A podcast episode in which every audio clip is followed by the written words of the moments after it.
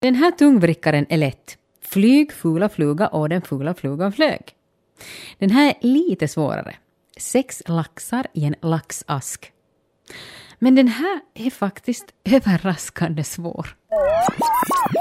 Epidemiologisk forskning. Ett, ett typiskt epidemiologiskt epidemiolog, epidemiologisk exempel att man... eh, Kan man säga att eh, de epidemiologiska undersökningar som har gjorts Från epide, epidemiologernas synpunkt kanske Epidemi... Epi, jag har svårt med det ordet alltså.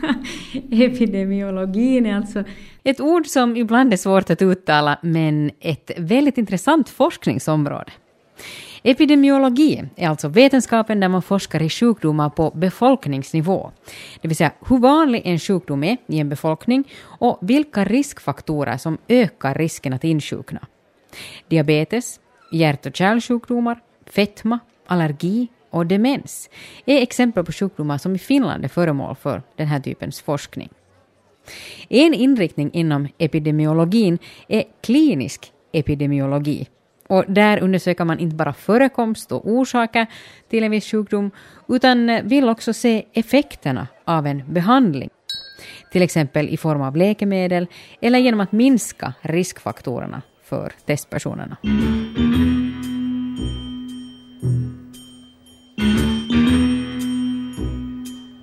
Hur som helst så handlar det om ett slags detektivarbete.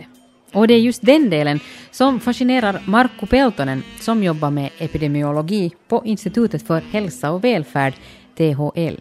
för mig i alla fall det roligaste är att analysera det på. Analysera på vilket sätt eh, utnyttjar vi det data för att besvara de frågorna vi har. Och då kommer ofta eh, olika statistiska och matematiska metoder som, som ska användas. Eh, man bygger modeller över sambanden mellan olika saker.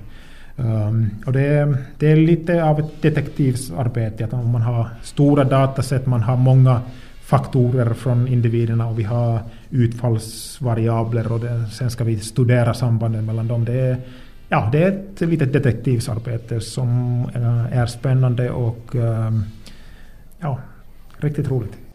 Som parentes kan nämnas att Markku är hemma från norra Finland men pratar en utmärkt svenska efter doktorsarbete i Umeå och ytterligare några arbetsår i Göteborg.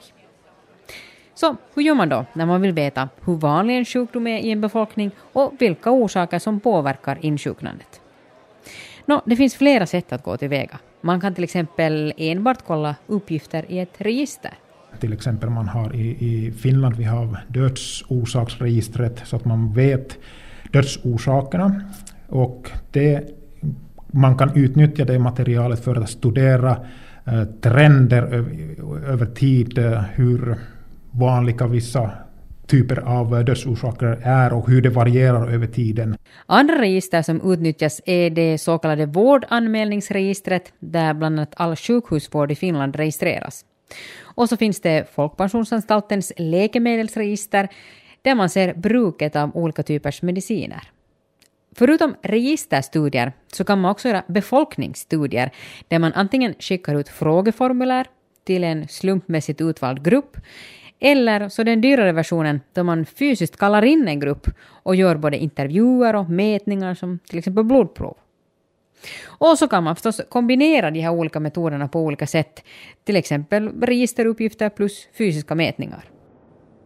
Ofta ingår det åtminstone hundratals personer i en epidemiologisk studie, gärna tusentals. Den största epidemiologiska studien i Finland är den återkommande Finrisk-studien som det igen strax är dags för. Finriska studien innehåller alltså 10 000 individer runt om i, i Finland.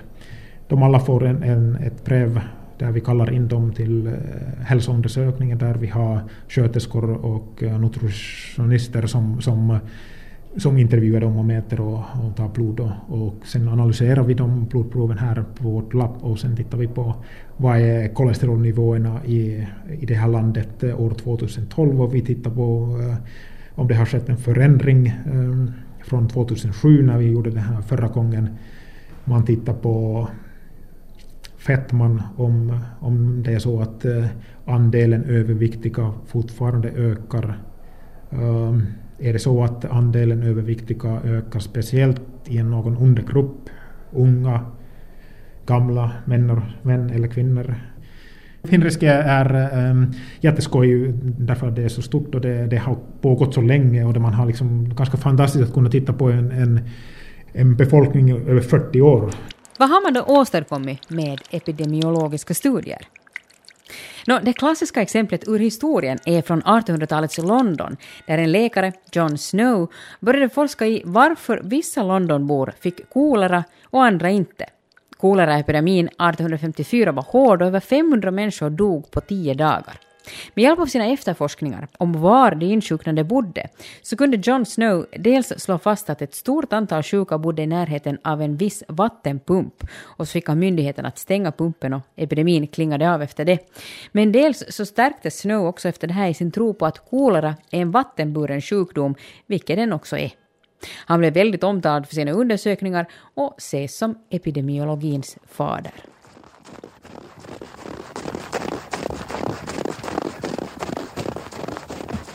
Ett modernt exempel på epidemiologisk studie är den där Marco själv var med om eh, hur man förebygger diabetes typ 2.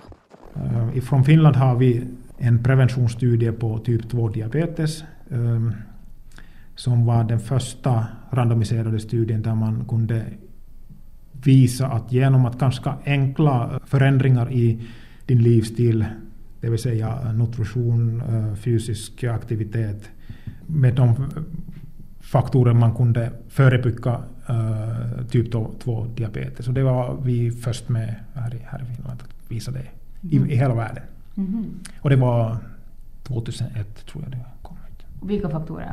Ja, man, man pratar om nutrition, det vill säga um, högt intag av fiber, lågt, lågt intag av, av uh, fett och ö, ökad uh, mängd fysisk aktivitet. Ett färskt, mycket angeläget exempel på epidemiologi är narkolepsiutredningen. Ja, det är, det är ett exempel på epidemiologin, att man måste uh, kunna identifiera och följa upp den typen av, av eh, epidemier, eller när, när det händer något sånt, att man har möjlighet att titta på det, identifiera dem överhuvudtaget så att de ska få vård, uh, och sen titta på Eh, vilka faktorer faktiskt gjorde det. det. Det, var inte alldeles självklart att uh, speciellt när man hade exempel från andra länder där man inte såg samma samband. Och när man sen ska gå vidare och djupare i den, att vad var det verkligen som, som gjorde detta att uh, ett, många barn fick narkolepsi? Det är ett exempel på epidemiologisk undersökning.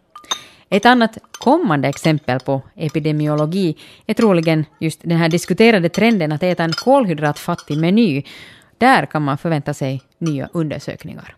Ur epidemiologisk synpunkt är det ju en intressant eh, att följa vad som händer. Hur, eh, hur vanligt är, är det egentligen? Man, har ju liksom, man kan läsa på kvällstidningarna att det är si och så många procent som har svarat på kvällstidningens eh, webbfråga att äter du eh, den här typen av diet. Men är det verkligen så att eh, är det inte representativt för hela befolkningen? I takt med att samhället och människornas hälsa förändras så förändras förstås också undersökningarna. Det forskas inte längre i samma saker som på 70-talet eftersom befolkningens hälsa ser annorlunda ut nu än på 70-talet. Det har ju skett en, en dramatisk förändring på eh, om man tittar på folk som är i, i arbetsålder, det vill säga under 64 eller 65 år, då, då är det 80 procents nedgång i, i eh, dödlighet i hjärt-kärlsjukdomar från 70-tal till idag. Så det är liksom en dramatisk förändring. Um, Medellivslängden har ökat med 7-8 år jämfört med tidigt 70-tal tills nu. 7-8 år, det är en dramatisk förändring att vi lever så pass längre idag än, än tidigare. Samtidigt som vi har haft en riktigt bra eh, utveckling i hjärt-kärlsjukdomar eh, så har eh, fetman blivit vanligare och i och med fetman så ökar typ 2-diabetes och det borde på sikt också medföra att även hjärt-kärlsjukdomar på sikt skulle kunna vända upp. Det vet vi inte, men det borde vara så att om fettman ökar, då ökar även uh, typ 2-diabetes. Och typ 2-diabetes är i sin tur en riskfaktor för hjärtinfarkter. Så det, det kan bli så att den gynnsamma utvecklingen som vi har haft i, i 30-40 år, att den, den vänder sig någon gång. Den nyaste stora utvecklingen är att riskfaktorer kombineras med geninformation. Epidemiologin har ju utvecklats samtidigt som olika andra saker har utvecklats inom medicin. Eh, och genetiken är ju en, en, eh, ett område som har utvecklats väldigt mycket och nu kanske har man, man på något sätt eh, håller på att försöka i högre grad kombinera miljöns påverkan med information om, om genetiken. Och det, epidemiologin har liksom stora möjligheter att bidra till den typen av forskning.